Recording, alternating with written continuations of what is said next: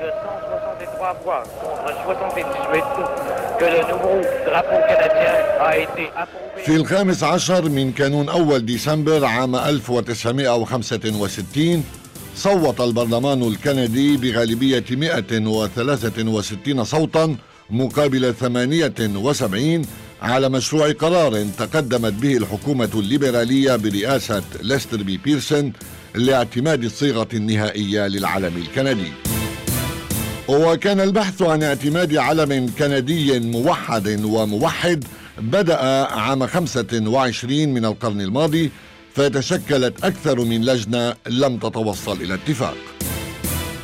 ومع وصول بيرسون إلى رئاسة الحكومة شكل لجنة مشتركة من مجلسي النواب والشيوخ استعانت بخبيرين في علم شعارات النبالة واقترحت رسم العلم الجديد أي خطين عموديين باللون الأحمر على الطرفين يتوسطهما مربع أبيض وفي وسطه ورقة شجرة القيقب باللون الأحمر.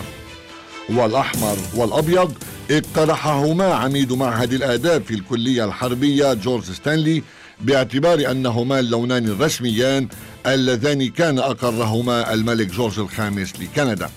بينما اقترح الميجر جنرال أوجين فيزي إدخال ورقة قيقب حمراء واحدة وهي رمز اعتمده سكان كندا منذ القدم.